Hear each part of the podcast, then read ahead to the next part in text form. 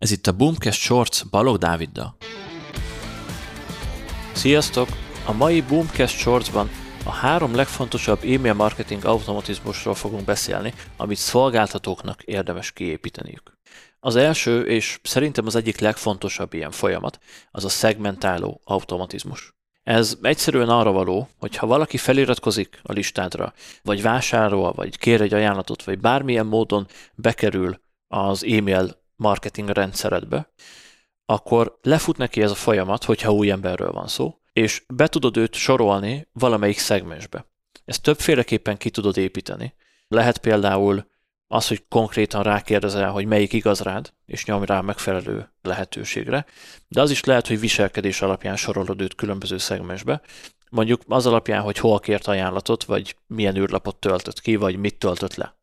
Szóval ez egy nagyon hatékony és nagyon fontos folyamat szerintem szolgáltatóknak, mert ha tudod, hogy milyen szegmensbe tartozik valaki, akkor utána már rá tudod szabni a kommunikációt. Ahhoz, hogy ezt megépítsd, ismerned kell a buyer personáidat és a buyer's journey-t, magyarul, hogy kik az ideális vásárlóid, és ők milyen szakaszokban, milyen élethelyzetekben lehetnek. És ez alapján már fel tudsz vázolni általában 2-3-4 olyan szegmest, amiből fogsz tudni dolgozni. Ez lett volna tehát az első automatizmus. A második, amit ki kell építened, az egy nagyon egyszerű üdvözlő folyamat. Ez ugye akkor indul el, hogyha valaki feliratkozik mondjuk egy csalidra, vagy regisztrál egy webinára, vagy bármilyen top of funnel, ugye a funnel tetején lévő tartalmad is legyen, hogyha azt igényli valaki, akkor elindul neki ez az üdvözlő folyamat.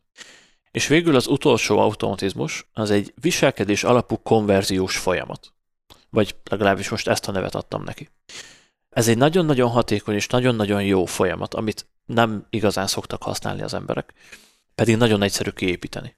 Azért fontos, hogy viselkedés alapú legyen ez a folyamat, mert itt azt figyeled, hogy a különböző látogatók, akik már benne vannak egyébként az e-mail marketing rendszeredben, ők hogyan használják az oldaladat, milyen oldalakat néznek meg, mennyi időt töltenek el.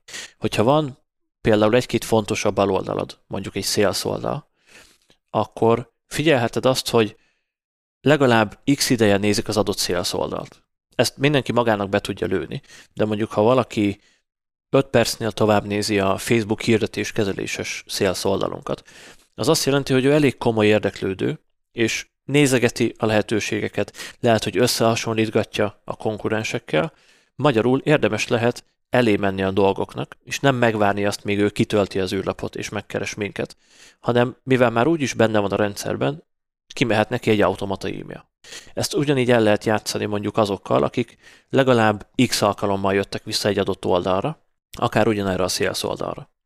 Hogyha mondjuk valaki négy alkalommal visszajött a Facebook hirdetés kezeléses sales oldalunkra, akkor nagyon valószínű, hogy azon gondolkozik, hogy kiszervezi a közeljövőben a hirdetéseinek a kezelését, és itt is nem szabad megvárni azt, hogy ő hasonlítgatja a lehetőségeket, és dönt majd valami alapján, hanem menjünk elébe a dolgoknak, menjen ki egy automata e-mail, kérdezzük meg, hogy mi a helyzet, miben tudunk segíteni, és így nem kell megvárni azt, míg ő döntésre jut, hanem lehet, hogy megválaszoljuk egy pár fennmaradó kérdését, és azzal ő már el is döntötte, hogy oké, okay, velük fog dolgozni.